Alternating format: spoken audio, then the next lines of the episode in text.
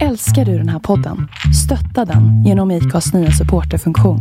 Det är helt upp till dig hur mycket du vill bidra med och det finns ingen bindningstid. Klicka på länken i poddbeskrivningen för att visa din uppskattning och stötta podden. Hej, det är Melinda här. När jag och min man köpte vårt hus så ville vi självfallet skydda det mot inbrott, brand och vattenskador. Vi tog in offerter från lite olika larmbolag men valde därefter Säkra Larm. Vi gillade Säkra Larms koncept med att äga sitt larm och slippa de dyra abonnemangsavgifterna, samtidigt som vi fick det smarta hemmet. Vi rekommenderar varmt en säker, smart och prisvärd larmlösning ifrån Säkra Larm. Besök säkralarm.se du med! Hej och välkomna till denna veckans avsnitt av Sveriges mest tongivande podcast, nämligen två låtar och en kändis.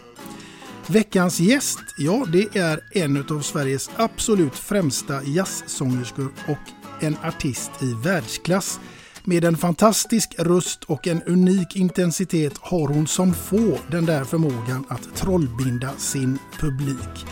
Och med det sagt så låt mig med största stolthet och glädje och respekt välkomna Isabella Lundgren. Tack! Vilken fin presentation och vilket fint välkomnande. Ja, men den tycker jag du är väl värd. Mitt, eh, mitt värmländska blygsamma jag rodnar, men tackar.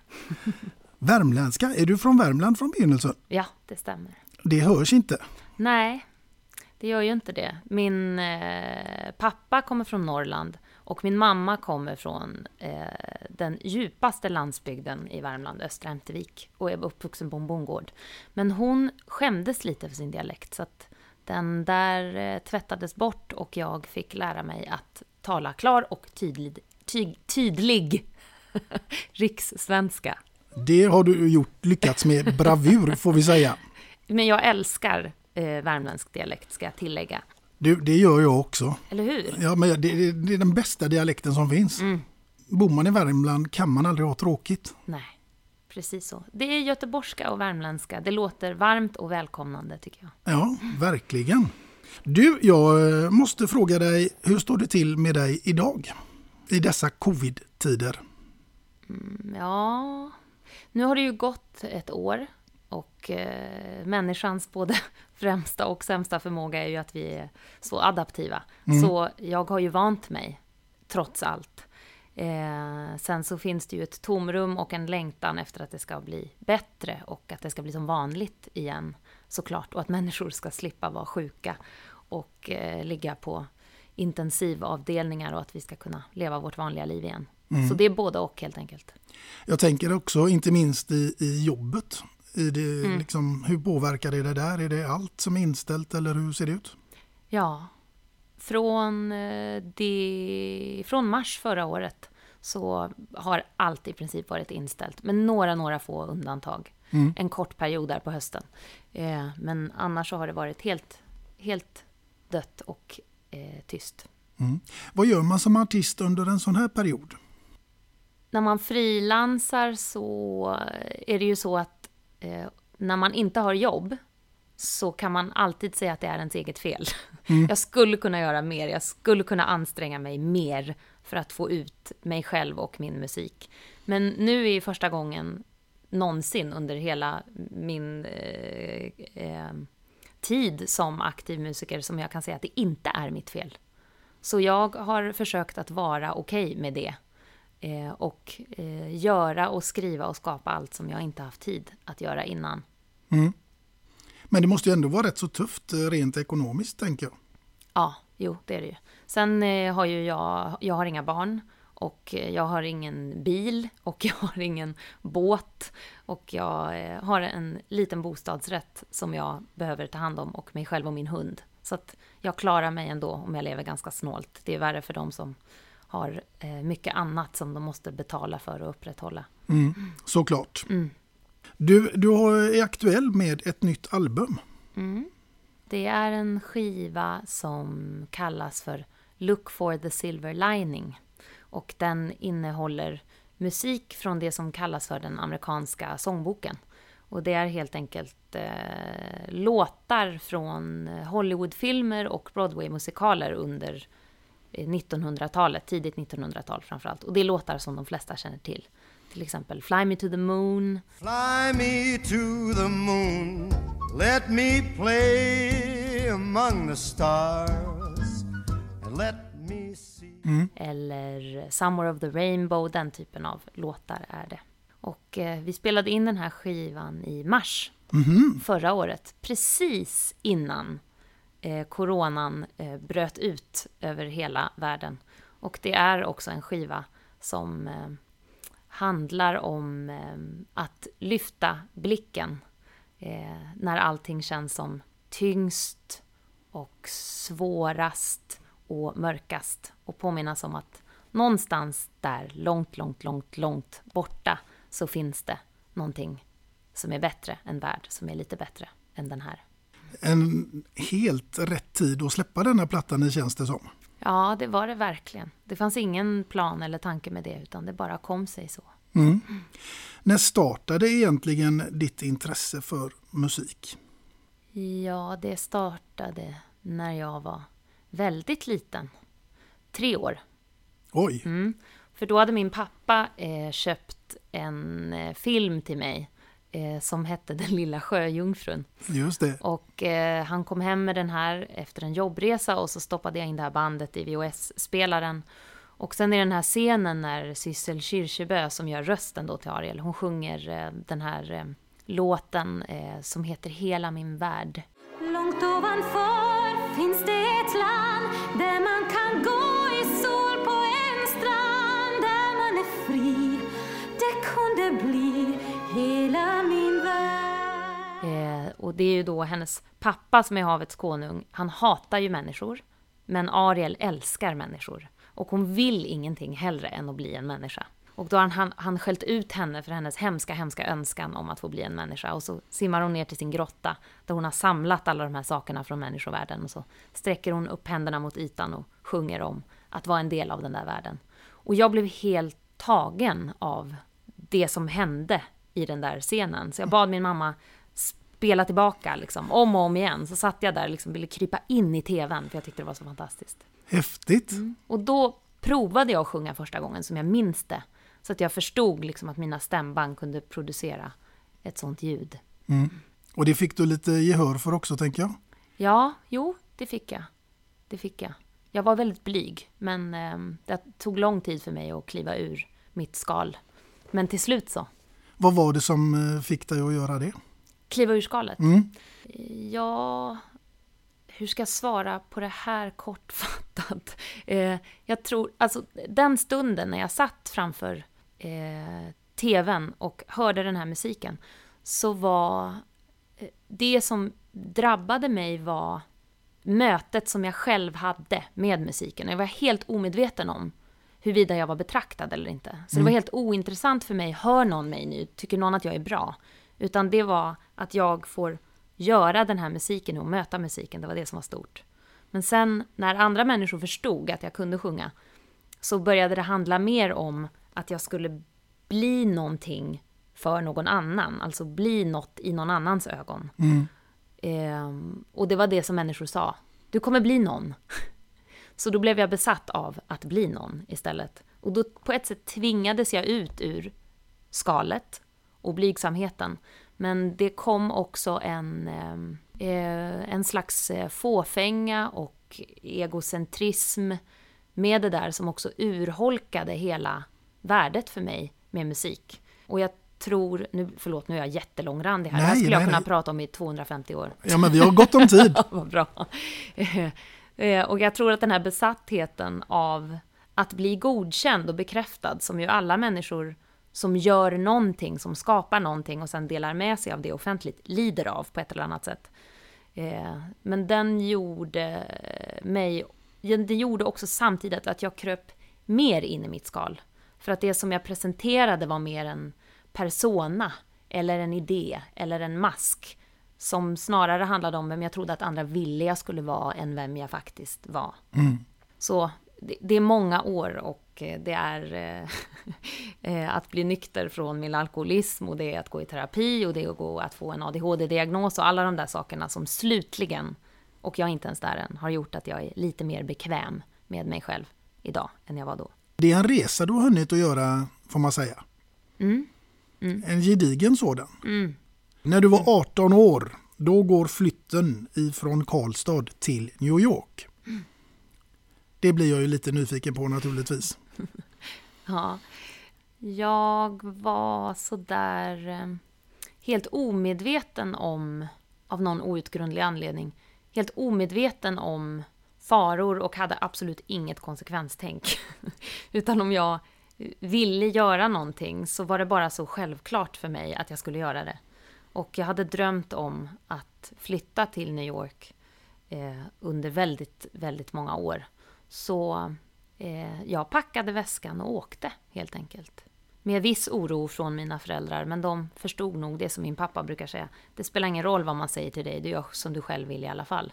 Det är inte en jättecharmig egenskap för övrigt. Nej, på något sätt så låter det väldigt välbekant, men ja, ja, Känner du igen dig själv? absolut. Ja. Det är ganska många punkter här framöver, så vi lär ju ha en del att diskutera. Men jag tänker, är det, var det ur ett musikaliskt perspektiv som du ville dra till USA? Ja, eh, delvis. Delvis så var det det. Men sen tror jag att jag hade en sån romantiserad bild av den här staden och vad den skulle göra för mig. Att det var som om att det här tomrummet som jag alltid hade upplevt att jag levde med, om jag bara kom till New York, då skulle allting bli bra. Och där skulle jag kunna ha det här rosenskimrande, helt, helt olycksbefriade livet. Och sen var det klart, eh, New York var ju ett, är ju ett slags jazzens mecka, precis som New Orleans är det. Så det fanns ju också en längtan efter att få vara nära den här historien som jag hade älskat och levt med så länge musikaliskt. Jo, där, i, där och då i New York, eh, där stannade du ju ett tag. Mm. Var det där du fick ditt genombrott i musikens värld? Mm. Nej, jag fick inget genombrott alls skulle jag säga där. Sen så i och för sig så fick jag göra jättemånga spännande saker och eh, arbeta med väldigt många spännande människor. Och eh, hade jag varit en mindre stökig personen jag var just då eh, så hade jag nog kunnat ta tillvara på det mycket bättre och på de möjligheter och erbjudanden som jag fick just då.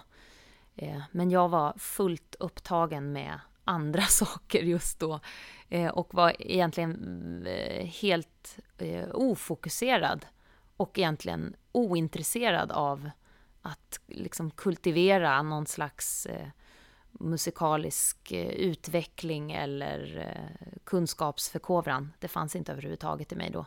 Nej, någonstans har jag fått till mig om att du var eh, en person som levde ett bohemiskt och artistiskt liv med ett något destruktivt beteende.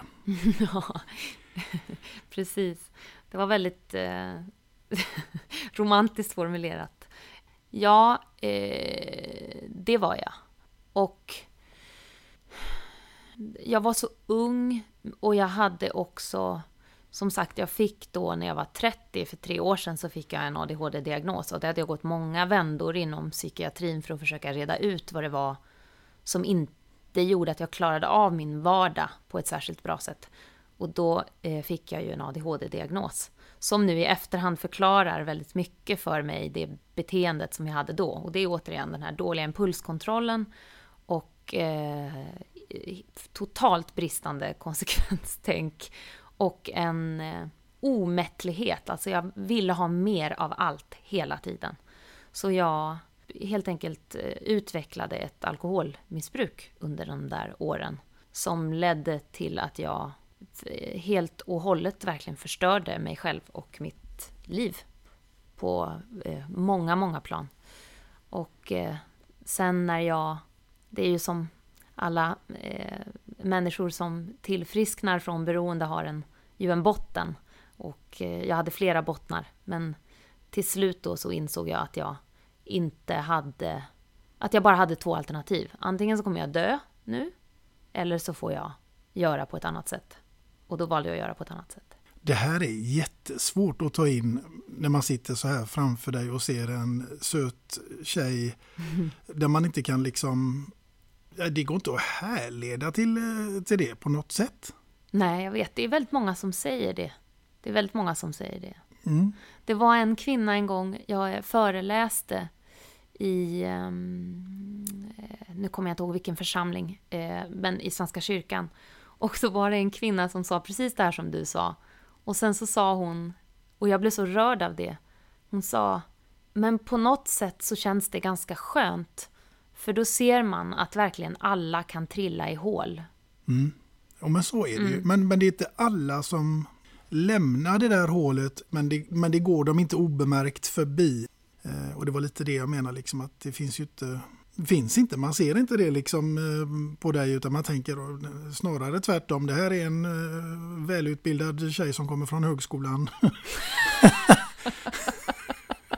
det är för att jag har ett oerhört bildningskomplex eftersom jag är kronisk avhoppare. Det är därför. Så jag läser jättemycket böcker för att jag aldrig klarar av att fullfölja en utbildning. Så därför så kanske jag låter eh, mer utbildad än jag är. Ja, på grund av bildningskomplexet. Mm. Men det är ju en gåva i sig. Ja, jo, förvisso. Du, eh, som sagt var, du har ju varit med på Idrottsgalan och du har varit med på Bingolotto och du har varit med på eh, lite olika eh, saker. Jazz. Mm hur, alltså, du, du får ursäkta mig, men jag är helt nollad i, i den genren. Det är inga problem. Hur kommer man in på, som ungdom, eller relativt ung i alla fall, mm. eh, i den genren? Det är ju så att både jazzen och den klassiska musiken hör ju till det som kallas för finkulturen. Och finkulturen har liksom eh, bannlysts lite i undervisning till exempel eh, för grundskolebarn. Så de flesta barn idag får ju inte lära sig att lyssna på den här musiken om de inte kommer från familjer eller från en kultur där den här musiken finns. Vilket är synd, för det är musik som alla människor kan uppskatta. Det är bara att man behöver vänja sina öron vid att lyssna på det. Det är liksom inte så att bara vissa människor är smarta nog att förstå det, utan det handlar bara om att öronen måste tränas och vänjas vid den här musiken. Och jag eh, kommer från ett hem där den här musiken spelades hela tiden. Och eh, det är också som jag nämnde innan, min mamma som kommer från Östra Ämtervik, hon växte ju inte heller, hon växte absolut inte upp i ett hem där musik fanns och särskilt inte den här typen av musik. Men hon lyssnade på ett radioprogram som heter Stardust där de bara spelade jazzmusik. Eh, och hon blev helt förälskad i den här världen och eh, sen dess så har hon varit en helt eh, vansinnig skivsamlare och konsertbesökare. Så hon, under hela min uppväxt så åkte hon till Knastret, som en begagnad skivbutik i Karlstad, och köpte en ny CD-skiva, eller två, varje lördag. Och sen spelade hon dem. Så det var alltid musik på hemma hos mig och det var alltid jazzmusik eller klassisk musik. Hon släpade med mig och min lillebror på konserter från det att vi var fyra fem år. Så mina öron vandes vid den här musiken så att jag kunde förstå den och lära mig att uppskatta den. Mm. Och det är ju så här att den här podden den, den handlar ju till stor del om ämnet musik. Mm. Och jag tänker att det är ju också någonting som, inte alla, men i alla fall de allra flesta tror jag kan härleda eller beröras av just musik ja. på ett eller annat sätt. Mm. Verkligen. Here's a cool fact. A crocodile can't stick out its tongue. Another cool fact. you can get short term health insurance for a month or just under a year in some states. United Healthcare short term insurance plans are designed for people who are between jobs, coming off their parents' plan, or turning a side hustle into a full time gig. Underwritten by Golden Rule Insurance Company, they offer flexible, budget friendly coverage with access to a nationwide network of doctors and hospitals. Get more cool facts about United Healthcare short term plans at uh1.com. Since 2013, Bombas has donated over 100 million socks, underwear, and t shirts to those facing homelessness. If we counted those on air, this ad would last over 1,157 days. But if we counted the time it takes to make a donation possible, it would take just a few clicks. Because every time you make a purchase, Bombas donates an item to someone who needs it. Go to bombas.com slash ACAST and use code ACAST for 20% off your first purchase. That's bombas.com slash ACAST, code ACAST. Millions of people have lost weight with personalized plans from Noom, like Evan, who can't stand salads and still lost 50 pounds. Salads, generally, for most people, are the easy button, right? For me, that wasn't an option. I never really was a salad guy. That's just not who I am. But Noom worked for me. Get your personalized plan today at Noom.com. Real Noom user compensated to provide their story. In four weeks, the typical Noom user can expect to lose one to two pounds per week. Individual results may vary.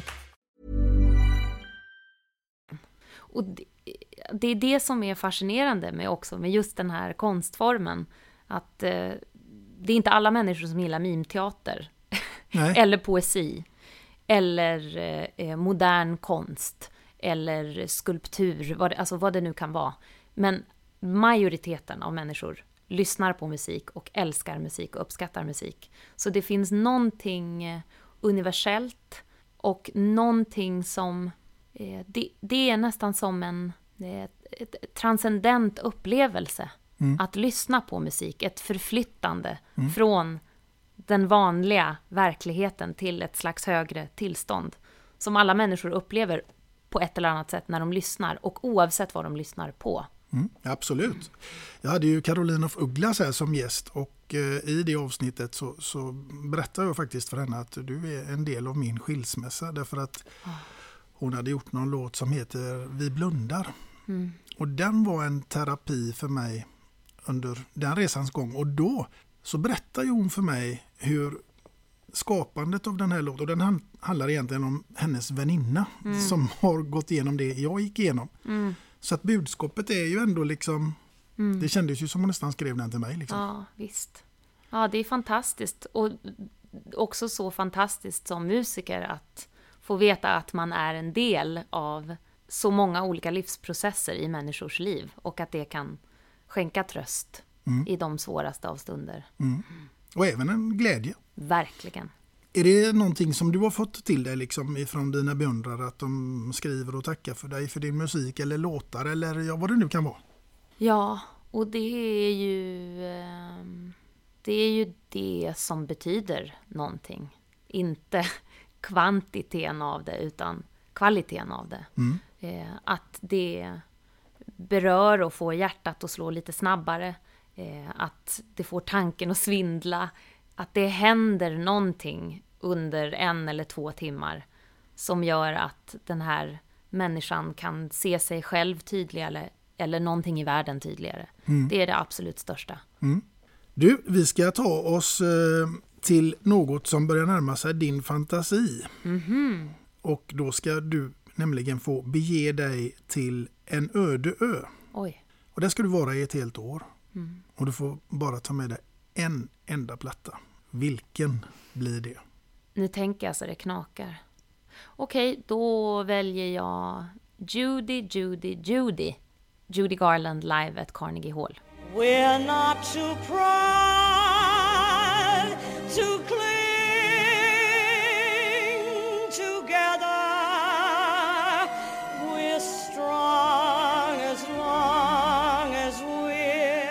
Den åker med till en öde ö. Ja, Och den får du lyssna på under ett års tid. ja, med glädje gör jag det.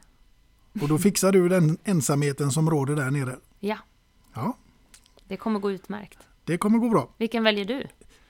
Oj. Ja, men det är ju det är ju inte du som ska ställa frågorna. Lurar Jag blev bara nyfiken. Ja, eh, nej, men jag tror i denna stund så eh, faktiskt eh, Lars Winnerbäck. Ah, Hade du frågat mig om ett år kanske jag hade svarat någonting helt annat. Mm. Men, men just i denna stund. det, för det känns ändå som att det är det viktigaste, att den där skivan ska kunna innehålla både det som skänker tröst, men också det som skänker glädje. Och någon slags livslängtan. Man, för det finns många skivor jag kan tänka som bara skulle få mig att krypa ihop och ligga i fosterställning och gråta. Och skivor som bara skulle få mig att hoppa runt och vara glad och naiv. Men man vill ju ha en skiva där man kan få göra båda. Och nu ska vi se ett annat scenario framför oss. För nu går du hemma i din lägenhet och du städar eller någonting och radion är på. Och rätt för det så dyker det upp en låt på den här radion som får dig att känna nej, inte en chans. Den här åker av. det är svårt för mig att välja en specifik låt, men eh, jag kan säga som så att någonting som har med techno att göra, det går inte för mig. Nej, det går bort. Ja, det går bort. Då stänger jag av på två sekunder. Då åker den av. Ja, tyvärr är det så. Ja, jag nej. säger att jag är öppensinnad, men jag har väldigt svårt för techno. Eh, varför då? Därför att jag, och jag eh, försöker förhålla mig ödmjuk till att det finns en massa saker jag inte vet här. Så om någon vill lära mig och berätta för mig varför jag missar något när jag inte lyssnar på techno så hör jag gärna det. Men för mig är det för, det är odynamiskt och själlöst. Jag hör, ingen, jag hör inget mänskligt i det, jag hör inget liv i det. Nej. Det känns bara som ett soundtrack till att jag ska göra något dumt. Mm. Det gör det inte vackrare eller bättre för mig. Jag bara, det, nej. Och det är för omänskligt, så Ja. känner jag. Det är helt okej. Faktiskt. Och eh, med det sagt så ska vi ta någonting som inte kommer att åka av och det är nämligen ditt första låtval som jag är extremt nyfiken på. För jag har ju inte fått de här på förhand nu så det ska bli jättespännande att se vad du har valt för låt och inte minst varför. Det var jättesvårt för mig att välja två låtar, kan jag börja med att säga. Men den här första, den är självklar. Det är den låten som jag tänker att jag ska begravas till. Och eh, det är den låten som jag nog förmodligen har lyssnat mest på under hela mitt liv.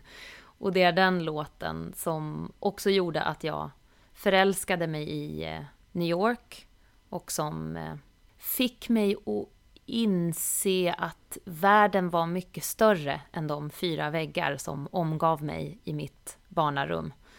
Och jag hörde den här första gången när jag var sex år. Och jag har alltid haft svårt att sova på nätterna. Så då brukade jag smyga in till vardagsrummet och så satte jag på TVn. Och eh, då fanns det en kanal på den tiden som hette TCM, Turner Classic Movies. Och då var jag så lyckligt lottad att just den här natten när jag inte kunde sova och satte på TVn så visades en film som heter Breakfast at Tiffany's. Och då börjar hela den filmen med en bild på Fifth Avenue i New York. Och det är en tidig, tidig morgon, klockan är kanske fyra fem Men det är inga människor ute. Och så kommer det en gul taxibil och kör fram i bild och ur den här taxibilen kliver Audrey Hepburn som spelar Holly Golightly i den här filmen. Och hon är sådär slående, tidlöst, vacker och elegant i en lång svart klänning och uppsatt hår och pärlor och handskar. Och sen så ställer hon sig framför fönstret till smyckesbutiken Tiffany's och så dricker hon sitt kaffe och tittar in där och nu kan vi ana ett tema, drömmer om att vara en del av en värld som hon egentligen inte är en del av. Och då spelas den här låten som jag har valt som är skriven av Henry Mancini och Johnny Mercer. Och den heter Moon River. Moon River. Mm. Har du hört den? Nej, det tror jag inte. Nej. Men jag får ju höra den nu. Ja. Så då tycker jag att vi tar och kör den. Mm.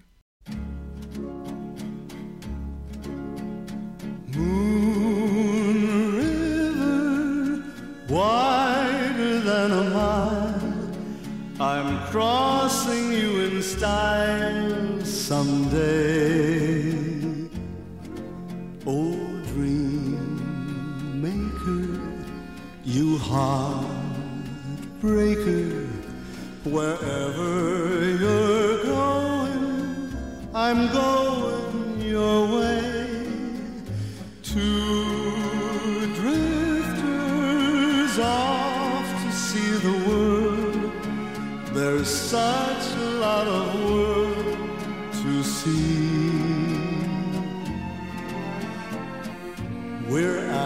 after the same rainbows waiting round the bend. My huckleberry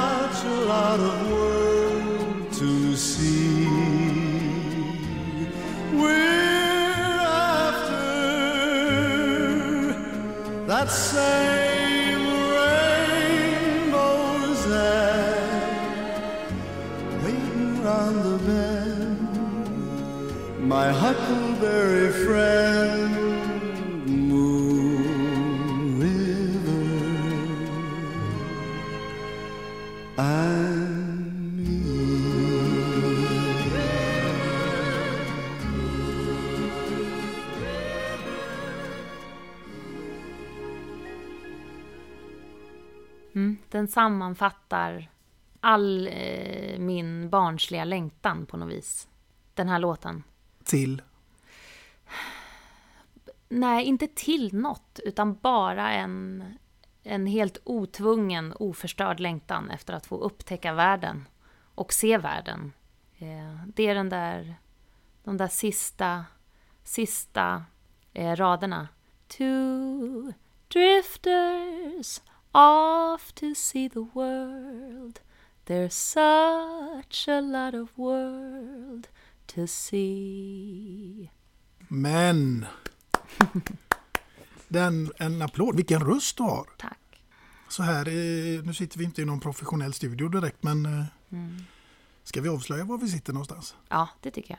Vi sitter på Hotell Riddargatan Mm. i deras bibliotek.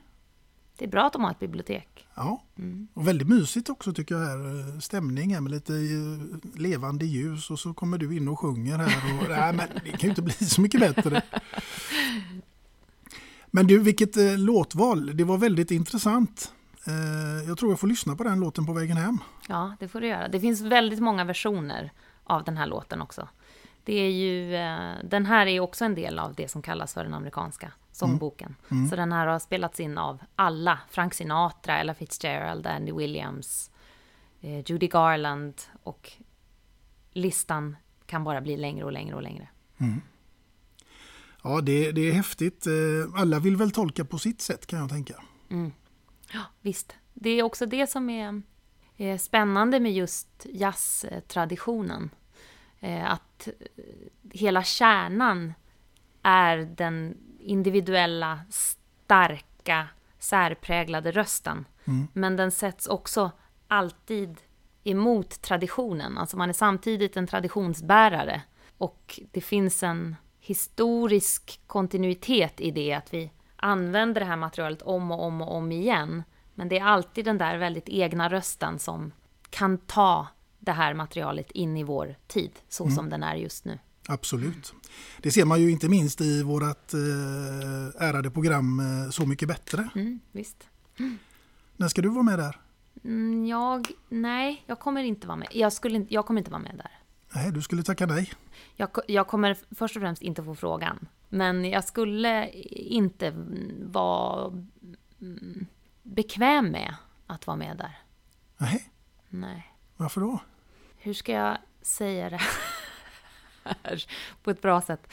Jag vet inte, jag har en sån här inre... Jag har liksom alltid varit lite motvalls. Och ibland är det in absurdum och tjänar inte mig alls att jag är motvalls. Och det är bara löjligt och barnsligt att jag är det, allt som oftast. Men jag, eh, jag vill göra saker själv. Och det gruppaktiviteter och annat, eh, det faller inte mig i smaken. Och eh, åka på eh, kollon och det, det där känns lite som att det är kollo. Jag tror inte att jag skulle tycka att det var roligt. Men nu kanske jag, det här kan jag ju ta tillbaka sen, men det är så jag känner instinktivt. Jag tror att det är mest emotvallspersonen i mig, den här barnsliga människan som säger nej bara för att säga nej. Men jag vet inte, jag får meditera på det. Ja, men man ska ju följa sitt eh, hjärta och sin känsla. ja, oh ja, det ska man. Absolut. Och du, du har ju fått ett antal utmärkelser genom åren som den gyllene skivan 2015. Mm. Du har Grammis-nominerats inte mindre än två gånger. Mm. Och du har fått Jazzkatten. Mm. Och du har eh, fått Monica Zetterlund-stipendiet, Mm. STIM-stipendiet och ja, massa grejer. Alltså, du har hunnit med ganska mycket ändå under din karriär. Mm. Ja, det där är så svårt. Det är igen lite det där som vi pratade om tidigare. Att eh, jag var så besatt av att få den där bekräftelsen tidigare att eh, jag tog bort all glädje i själva musicerandet. Eh, och samtidigt så går det inte att komma ifrån att jag skulle inte ställa mig på en scen om det inte var så att jag ville bli sedd eller tyckte att jag hade någonting att säga. Eller någonting att komma med överhuvudtaget. Men det är det där att eh, göra de här sakerna, utmärkelserna eller eh, möjligheterna, de är en bonus. De är inte målet, utan målet är att få göra det som jag älskar på mina egna villkor med intention och passion och glädje. Och resten är en bonus, men det är inte målet. Nej. Så då går det att vara tacksam, men utan att liksom stirra sig för blind på de där yttre vinsterna, i brist på bättre ord. Mm. Nej, men det, det, jag förstår precis vad du menar. Mm. Och du hade också ett väldigt uppmärksammat sommarprat. Mm. Då var jag så ung. Jag var jätteung. Jag kan lyssna på det, men det är väl som alltid man hör sig själv prata när man är 19 eller man tittar på något man gjorde när man var yngre eller lyssnar på en skiva eller man spelade in eller en film man medverkade i om man är skådespelare eller ett verk man skrev. Så eh, en, det finns en portion omsorg. Oj, vad jag var liten och trodde att jag visste allt då. och sen en liten, uff, lite gåshud. Ja, inte positiv gåshud, utan mer, aj då, varför sa jag så där? Eller det där kunde jag nog tänkt efter några varv till. Men så är det ju. Så är det alltid. Mm, så är det alltid. Och så, så är det även när man sitter så här och gör podcast. Liksom, då kan man sitta och lyssna och sen, men gud, varför ställde jag inte den frågan? Mm. Såklart, det känns, efter, det känns uppenbart i efterhand. Ja. Det var Sören Kierkegaard som sa det. Man förstår, eh, livet måste levas framlänges, men kan bara förstås baklänges. Mm. Men som sagt var, det blev ju ganska uppmärksammat och på vilket sätt märkte du det själv? Ja du, det är en bra fråga. Det som eh, jag blev väldigt rörd av var ju att eh, det var många som eh, uttryckte en tacksamhet eller som kunde känna igen sig på olika sätt i eh, berättelsen av att ha förstört sitt liv och skammen som kommer med att ha förstört sitt liv. Att inte kunna kunnat ha tagit tillvara på det som man fick. Mm. Det, det var nog den respons jag fick som i alla fall eh, gjorde mig rörd över att det fyllde någon form av funktion i den, den speglingen fyllde en funktion. Vad gjorde du egentligen för att göra den här resan tillbaka? Liksom, var det helt på egen hand eller fick du ta hjälp? Eller vad? Nej, jag fick hjälp. Och eh, det var ju många år, alltså allt... Miss, ett missbruksbeteende är ju också ett symptom för någonting annat. Så när man väl har blivit av med det faktiskt kemiska, fysiska beroendet så står man ju kvar där utan strategier för att hantera det där som har gjort att man har missbrukat från första början. Så det var en lång resa och det är på många sätt en fortfarande pågående resa. Ja, men det förstår jag absolut att det är och eh, samtidigt så blir jag ju väldigt nyfiken. Liksom, vad var det som gick käpprätt åt skogen för dig när det här uppdagades? Alltså jag använde ju eh, alkoholen eh, för, alltså som en strategi. En överlevnadsstrategi för att jag skulle slippa leva med och känna min egen upplevelse av otillräcklighet eller min rädsla eller eh, ångesten och paniken som jag kände inför hur jag skulle klara av att leva mitt liv. Eh, och kunna kommunicera mina känslor och ha sanna, riktiga, intima relationer med andra människor. Så, och den här dåliga impulskontrollen då gjorde ju också att jag, när jag började så kunde jag inte sluta. Eh, och jag, alltså jag kunde säga till mig själv ibland, ja men ikväll så dricker jag bara tre glas vin. Men det gjorde jag inte, utan jag drack två flaskor. Ja. Eh, och jag ville aldrig att festen skulle ta slut. Och jag ville alltid hålla på längst och jag ville alltid vara värst och jag ville alltid hålla på mest. Och det här, delvis så var det ju det här liksom någonting som gav mig en viss status i sociala sammanhang. Att folk tyckte jag var jätterolig att hänga med för att jag var så äventyrlig. If you're looking for plump lips that last, you need to know about Juvederm lip fillers. With Juvederm Volbella XC and Juvederm Ultra XC, your lip look, whether it's subtle or bold, can last up to one full year with optimal treatment and no additional maintenance. Find a licensed specialist and see if it's right for you at juvederm.com today. That's J U V E D E R M.com. Add fullness to lips in adults over 21 with Juvederm Volbella XC or Juvederm Ultra XC. Do not use if you have severe allergies or a history of severe allergic reactions, or if you're allergic to lidocaine or the proteins used in Juvederm. Tell your doctor if you have a history of scarring or taking medicines that decrease the body's immune response or that can prolong bleeding. Common side effects include injection site redness, swelling, pain, tenderness, firmness, lumps, bumps, bruising, discoloration, or itching. As with all fillers, there's a rare risk of unintentional injection into a blood vessel, which can cause vision abnormalities, blindness, stroke, temporary scabs, or scarring. For full important safety information, visit juvederm.com. Ready to pop the question? The jewelers at BlueNile.com have got sparkle down to a science with beautiful lab grown diamonds worthy of your most brilliant moments. Their lab grown diamonds are independently graded and guaranteed identical to natural diamonds, and they're ready to ship to your door. Go to BlueNile.com and use promo code LISTEN to get $50 off your purchase of $500 or more. That's code LISTEN at BlueNile.com for $50 off. BlueNile.com code LISTEN. Wow! Nice! Yeah! What you're hearing are the sounds of people everywhere putting on Bombas socks, underwear, and t shirts made from absurdly soft materials that feel like plush clouds. Yeah, that plush. And the best part? For every item you purchase, Bombas donates another to someone facing homelessness.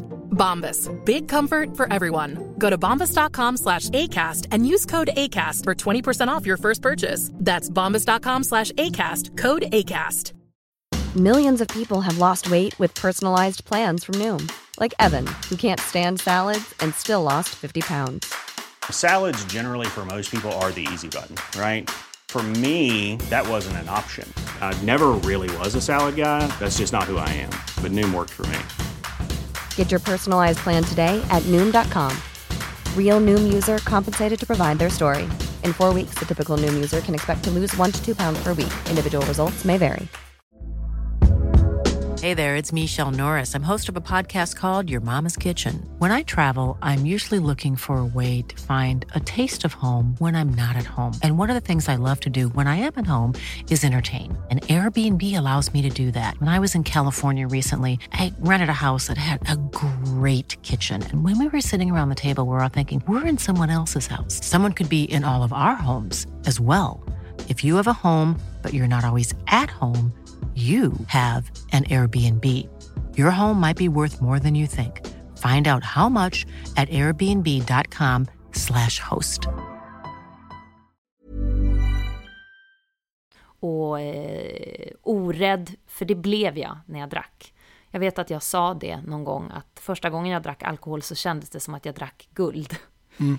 Alltså som att det, det, det här som kom i mig bara förvandlade mig helt fullkomligt. Så från att jag var den här blyga tjejen i hörnet så blev jag den liksom högljudda, orädda människan i mitten.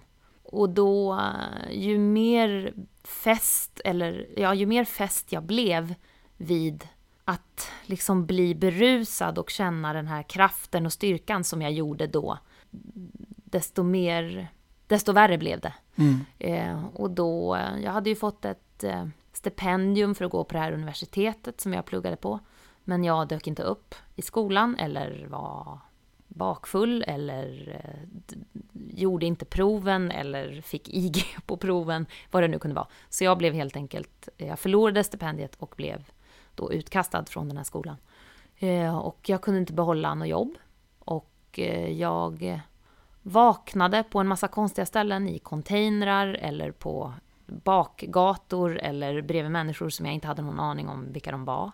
Eh, och jag eh, drack ju väldigt ofta så mycket att jag liksom fick åka till sjukhuset och eh, magpumpas Så, och det här hände ju, jag var som sagt väldigt ung, men det gick väldigt, väldigt långt, väldigt fort. Och på sätt och vis så, så tror jag att det är så att det är tack vare att jag var en sån eh, dysfunktionell alkoholist, alltså att det gick så dåligt för mig som det gjorde, som jag också kunde bli frisk och skaffa hjälp för Mm. att sluta missbruka. För de eh, människor som eh, lever med ett, ett aktivt missbruk länge är ju ofta de som kan ha ett vanligt liv samtidigt, som alltid kan peka på, "Ja, men titta jag har ju ett jobb. Titta här, min familj mår ju bra, exempelvis. Då finns det inte faktiska konsekvenser som är så konkreta att peka på, som ger incitament till förändring. Men jag hade liksom ingenting kvar alls. Jag kunde inte sjunga längre, jag såg inte alls ut som mig själv längre. Ehm, och då, det var då jag förstod det där med att ha två val. Jag kan fortsätta så här, men då kommer jag att dö. Och det ville jag inte. Även om jag tror att jag någonstans i allt det här hade någon dödslängtan, uppenbarligen, eftersom jag verkligen inte tog hand om mig själv eller andra människor i min närhet heller. Så det är som en klok man sa till mig en gång, det är vid avgrunden vi förändras. Mm. Otroligt starkt gjort ändå att göra den eh, resan och eh, ställa sig upp och hitta ett konsekvenstänk. Ja, och det eh, tog många år att förstå det. Eh, verkligen. Och jag försöker fortfarande förstå det. Och det där, Eh, alltså eh, ADHD som ju är en neuropsykologisk eh, diagnos, det är ju ingenting som man blir av med heller, utan någonting som man får lära sig att leva med och hitta strategier för att hantera. Så den dåliga impulskontrollen, den försvann ju inte bara för att jag blev nykter, utan den får jag liksom parera och hantera och resonera med varje dag. Det gör det. Mm.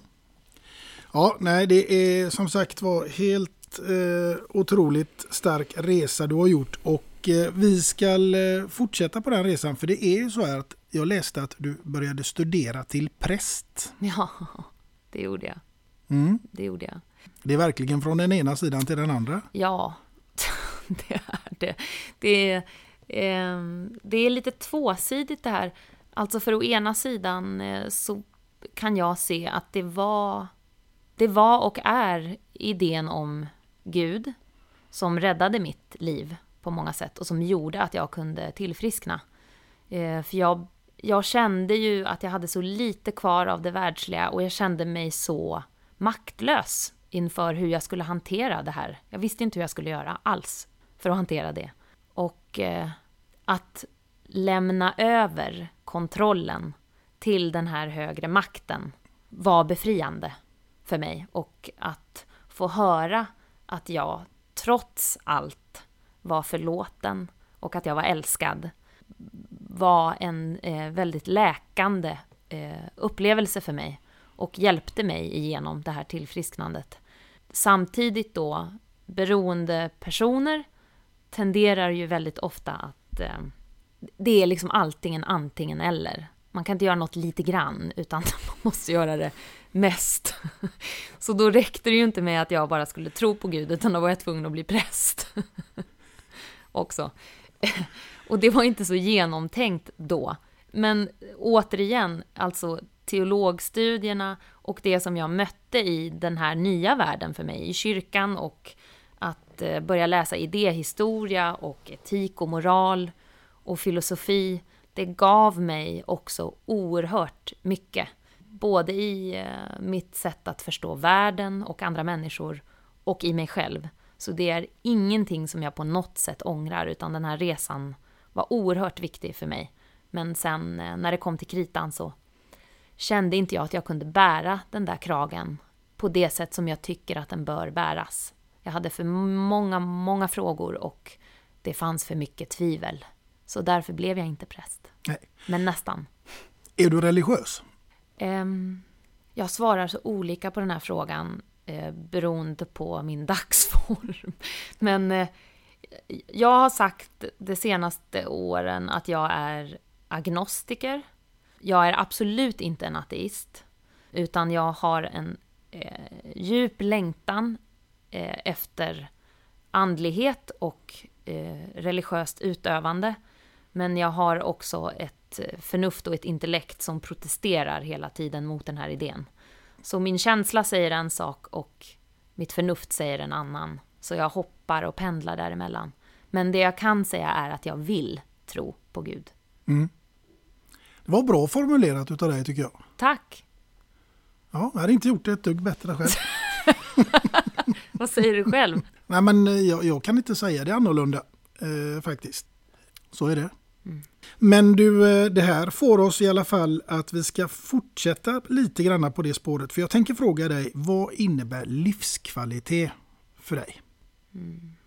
Att vara närvarande, det är livskvalitet. Oavsett omständigheter.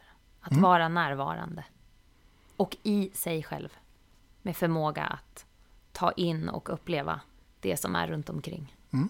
Jag tror aldrig jag haft någon innan som har svarat på den frågan så kort och koncist. Mm. Men ändå väldigt bra. Det är på något vis, eh, alltså det är det där, eh, det handlar på något vis om att kunna se det vackra i det som man redan har sett. Och jag som är en sån här omättlig person som vill ha mer av allt hela tiden har ju förstått den hårda vägen att mer av allt gör inte att det blir vackrare. Utan det handlar om att kunna se det som man redan har sett 150 miljoner gånger och se att just det är vackert precis som det är. Mm. Och det är gott nog. Gott nog ja, när vi kommer in på ämnet gott. Mm. Nu ska vi se vem du väljer att ta till bordet som middagsgäst. Ha! Jag vill veta vem och jag vill veta vad ni hade ätit och jag vill veta vilken låt hade fått figurera i bakgrunden. Åh, vilken bra fråga! det här är, det är glasklart för mig det här. Mhm. Eh, jag hade ätit middag med eh, Carl Gustav Jung. Han är död, men det är okej ändå va? Absolut. Eh, Det här är fantasin, så Ja. får vara vem som helst. Och eh, han var ju då en, ehm, en av eh, den moderna psykologins pionjärer. Han och Sigmund Freud. Eh, och Jung är en man som följer mig varje dag genom mitt liv. Och jag eh, tycker att han är en av de mest briljanta Alltså jag kan inte ens uttrycka nog med ord hur gärna jag skulle vilja sitta emot, mitt emot den mannen och få lyssna på honom prata under nonstop under en hel, hel lång natt. Jag skulle inte vilja säga ett ord. Jag skulle bara vilja lyssna på honom. Och då tänker jag att vi skulle lyssna på en låt. Bara en låt. Mm. Ja, men eh, då vill jag att vi ska lyssna på Vokalis eh, av Rachmaninov.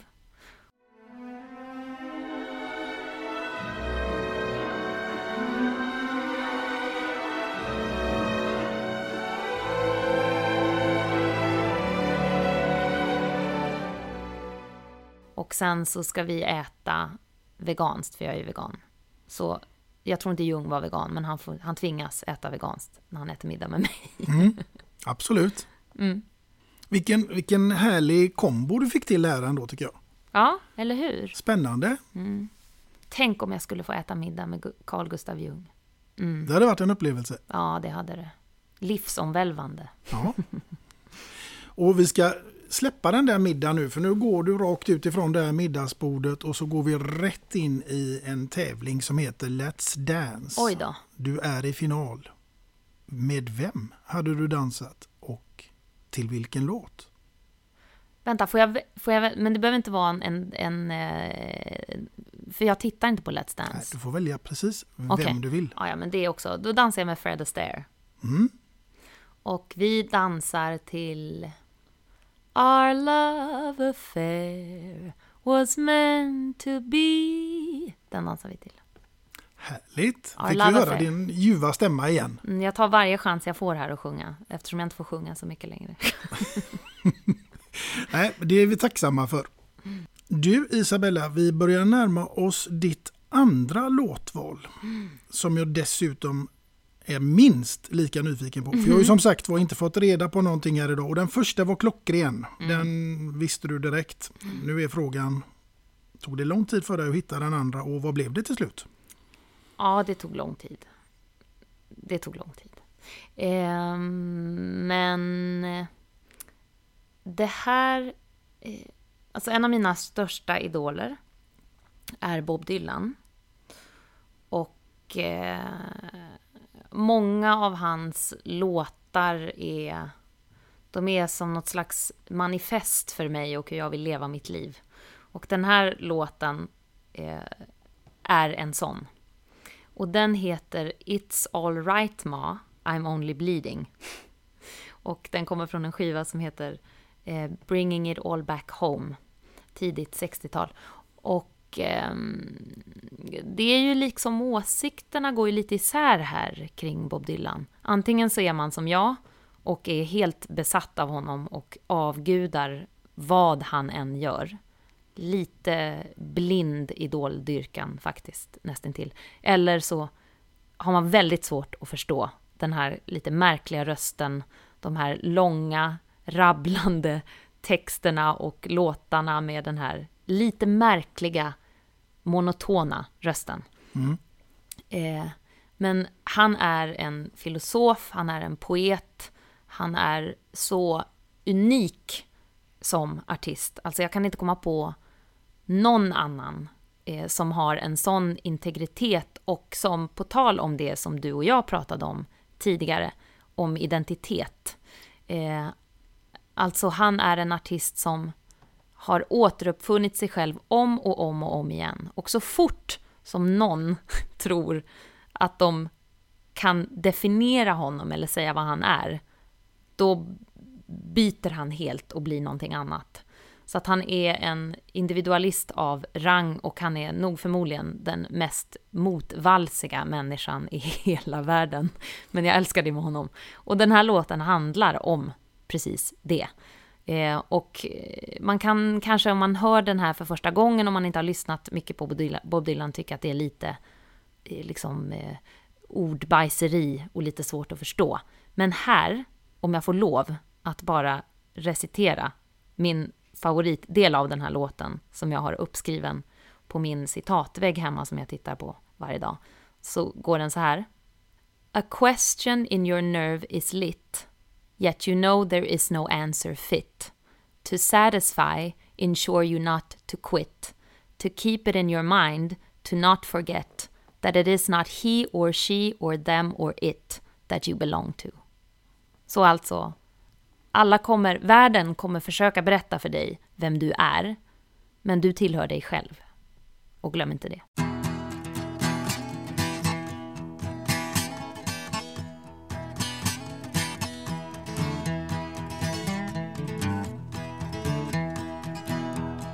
Darkness at the break of noon, shadows, even the silver spoon, the handmade blade, the child's balloon, eclipses both the sun and moon. To understand, you know too soon, there's no sense in trying.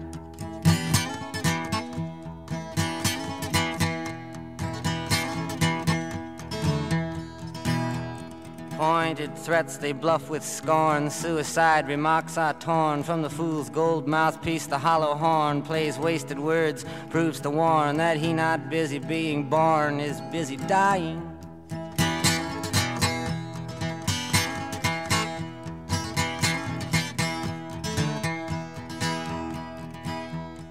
Page flies out the door. You follow, find yourself at war. Watch waterfalls of pity roar. You feel to moan, but unlike before, you discover that you just be one more person crying.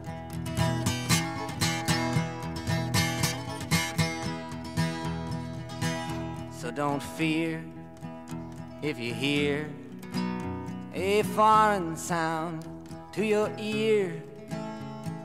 It's alright, Ma. I'm only sighing.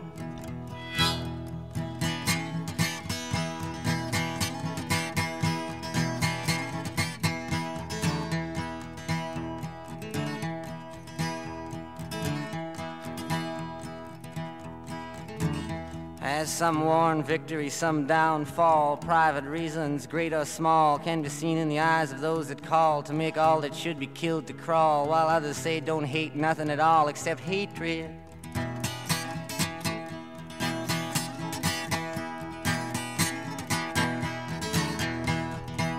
Disillusion words like bullets bark as human gods aim for their mark. Make everything from toy guns that spark to flesh colored Christs that glow in the dark. It's easy to see without looking too far that not much is really sacred.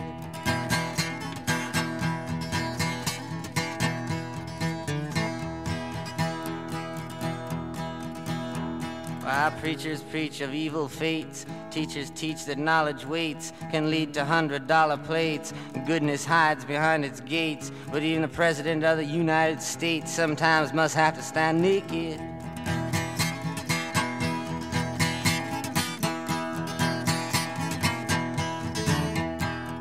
And though the rules of the road have been lodged, it's only people's games. Hey, you got to dodge and it's alright, Ma. I can make it.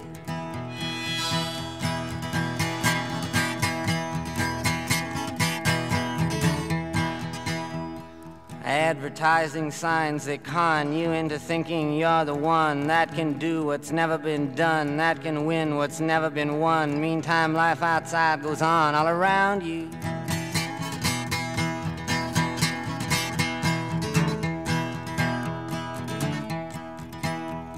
Lose yourself, you reappear. You suddenly find you got nothing to fear. Alone you stand with nobody near. When a trembling, distant voice, unclear, startles your sleeping ears to hear that somebody thinks they really found you.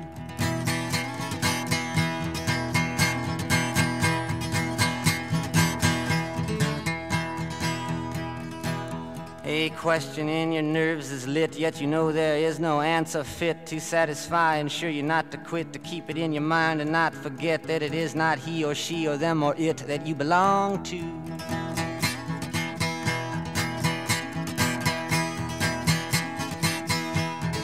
But though the masters make the rules for the wise men and the fools, I got nothing more to live up to.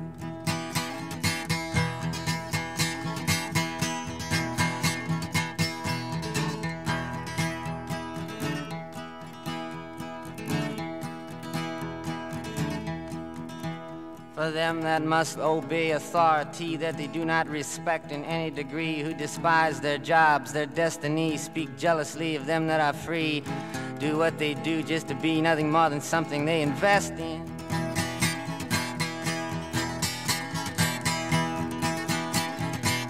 While some on principles baptized to strict party platform ties, social clubs in drag disguise, outsiders they can freely criticize, tell nothing except to idolize and say, God bless him.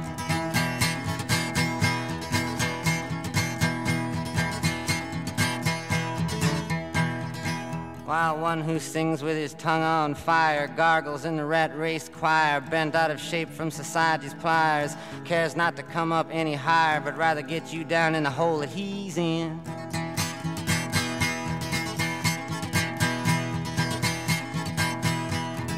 But I mean no harm, nor put fault on anyone that lives in a vault.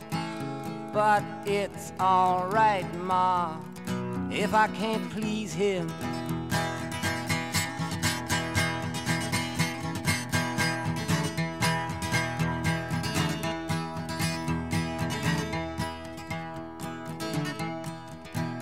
Old lady judges watch people in pairs, limited in sex they dare to push fake morals, insult and stare, while money doesn't talk, it swears. Obscenity, who really cares? Propaganda, all is phony.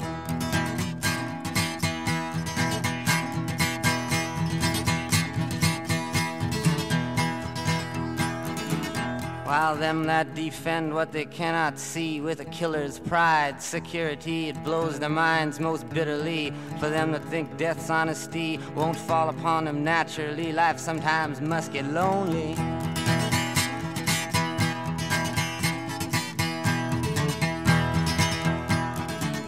My eyes collide head on with stuff, graveyards, false goals. I scuff at pettiness which plays so rough. Walk upside down inside handcuffs, kick my legs to crash it off. Say, okay, I've had enough. What else can you show me?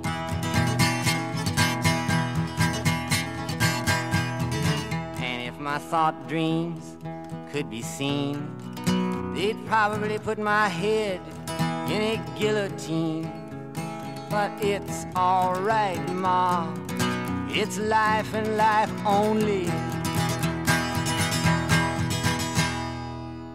Nej, nu förstår jag varför du har valt den här låten för det, det, det, den är ju en direkt spegling av dig. Mm. Min önskan. Ja, Mm. bra val. Tack. Hoppas du gillar den. Ja, det gör jag. Mm. När du hörde den här nu, ser du att du står framför din citatvägg och, och läser delar av den här texten då? Mm. Och eh, det är verkligen en eh, påminnelse ändå om... eh, Vi har, vi har det, här, det här livet och vi får inte välja, vi får inte välja det överhuvudtaget.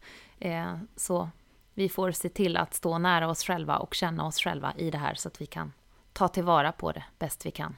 Mm. Har du något mer sånt där klassiskt citat från väggen hemma som du vill dela med dig av? Ja, äh, många. Något till våra poddlyssnare här ute? Får jag bara välja ett? Ja, ta två då. Okej, då till exempel så, jag har ju redan citerat Kierkegaard en gång, så då kan vi ta Reiner Maria Rilke som var poet och som har skrivit en fantastisk bok som heter Letters to a young poet, som är min bibel i princip. Och eh, i den så skriver han eh, om att leva med ovissheten. Och då säger han Try to have patience with everything that's unresolved in your own heart and love the questions themselves like a book written in a foreign tongue or like locked rooms. Uh, och sen kommer jag inte ihåg det efter, efter sen. Men det, poängen är egentligen älska frågorna mer än svaren. Klokt. Mycket. Och den andra? Nu vill jag ändå nästan välja Carl Jung eftersom jag har sagt att han ska vara min middagsgäst. Ehm, vilket Carl Jung-citat ska vi ta då? Loneliness does not come from having no people around, but from being unable to express what's inside your own heart and mind.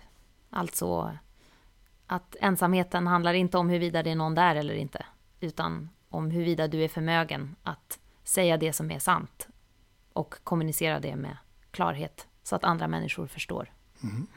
Det är kloka ord hela vägen. Ja, du ser, det finns så mycket visdom Ja, i historien. Mm. Vi har alltid mycket att lära. Ja, precis så. Alltid mycket att lära.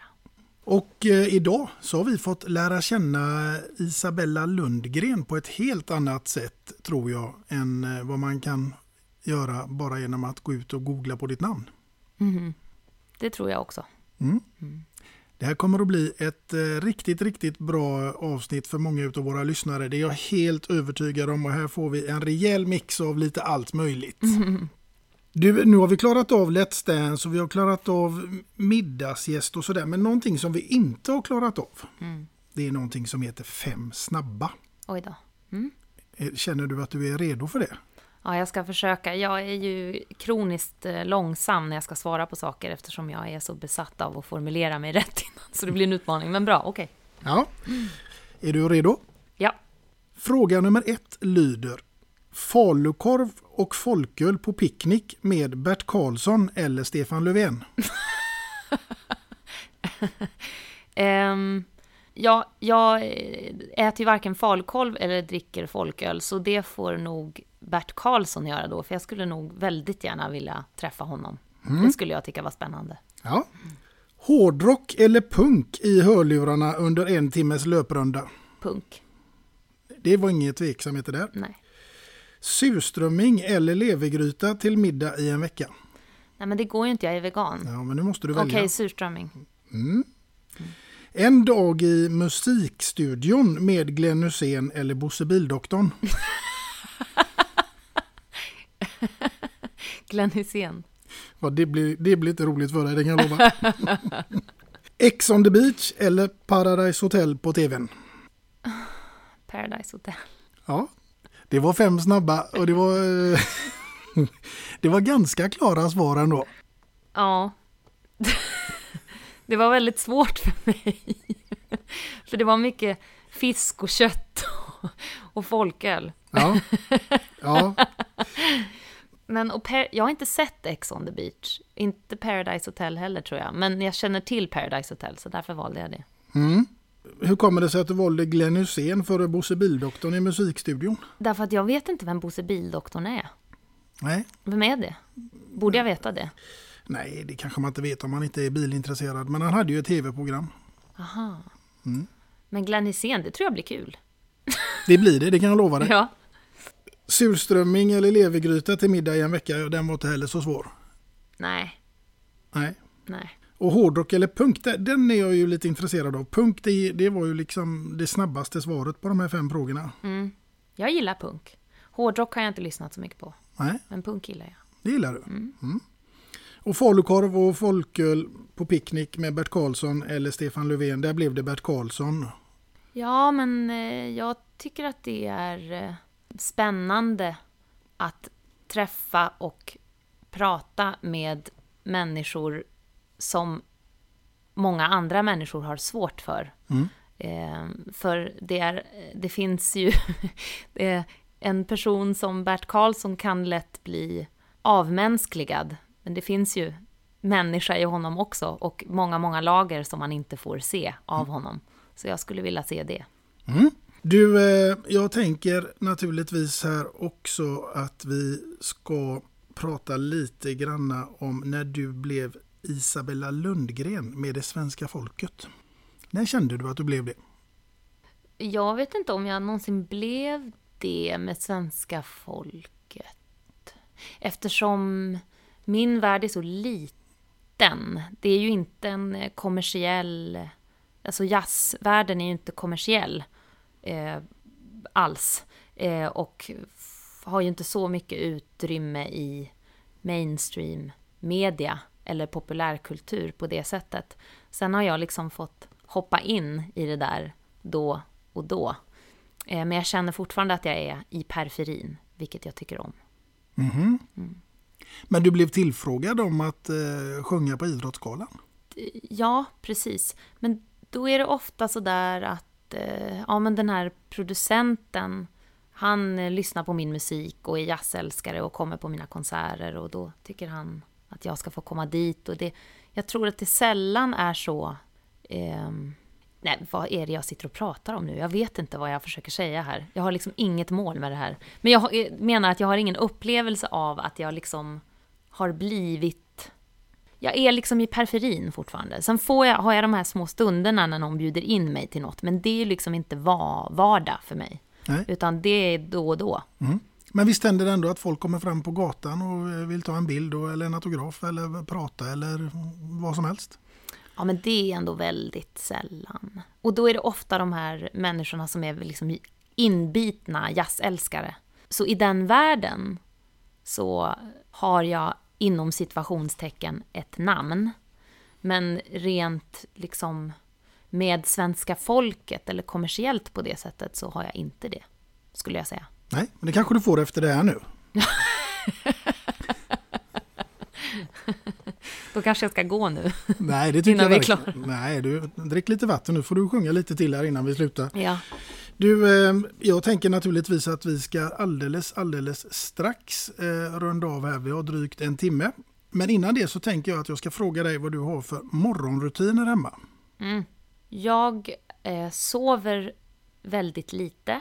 Och eh, förr i tiden så brukade jag... Alltså jag somnar jättesent. Mm. Och då gick jag ju upp sent. Men det gör jag inte nu, utan jag går upp tidigt. Tidigt för mig. Åtta går jag upp. Och, och det beror ju på om jag eh, ska på en turné eller har en inspelning. Mina dagar ser väldigt olika ut. Men om jag har en dag där jag jobbar hemifrån, där jag skriver eller gör annat, så går jag upp, så går jag ut med min hund.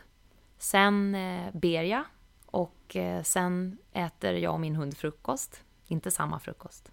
Och eh, sen börjar jag skriva efter det. Det är min morgonrutin. Nu fick jag inte fiskat fram det jag ville ha fram där, men jag tänkte så här att jag ser ju din snusburk ligger framför mig där, så jag Jaha. tänkte att snus och kaffe det är liksom... eh, Ja, ja, ja. Visst. Snus och kaffe. Det är det första som händer. Det är det första som händer. Eller snusen händer först under promenaden med min hund. Mm. Och sen kommer kaffet Ja, när jag kommer in. men kaffe ska du ha. Ja, det ska jag. Mm. Kaffe ska jag ha.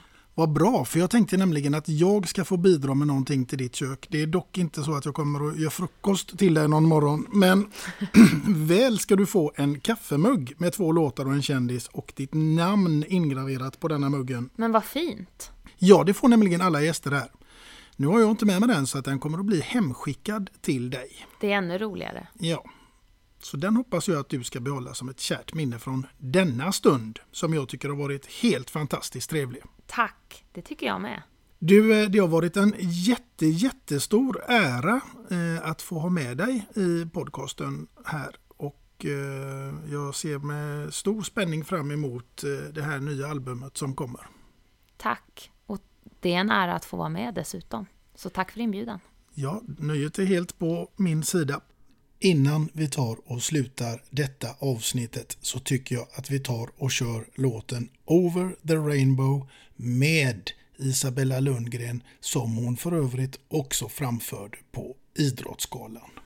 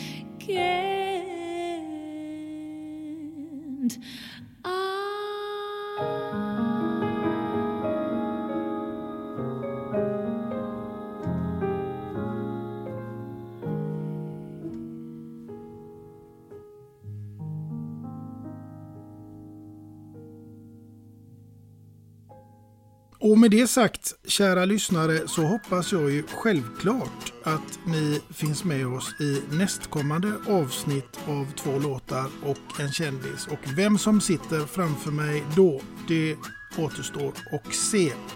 Tills dess där ute, så ha det så gott, hör ni. Hej då! Hej då!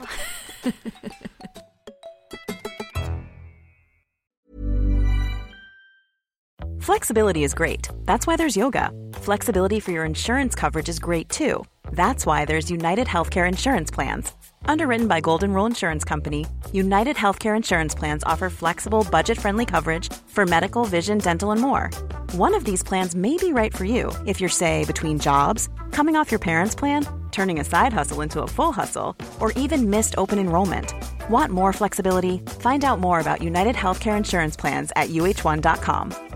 Mother's Day is just around the corner, and it's time to pamper the special moms in your life. And what better way than with Osea's limited edition skincare sets featuring clean, vegan, cruelty free products that are safe for your skin and the planet? Osea is a women founded, women led brand that's been making seaweed infused products for nearly 30 years. This Mother's Day, Osea has two limited edition sets, perfect for gifting or keeping for yourself. Their Golden Glow body set includes three clinically proven bestsellers for silky, smooth, glowing skin, while the Glow and Go facial set has everything she needs to achieve spa level results at home. They're so beautiful, you can skip the wrapping. For a limited time, you can save up to $48 on Osea's sets, plus get free shipping. That's Mother's Day made easy. Pamper the moms in your life and get 10% off your first order site wide with code MOM at OseaMalibu.com. That's O S E A Malibu.com code MOM.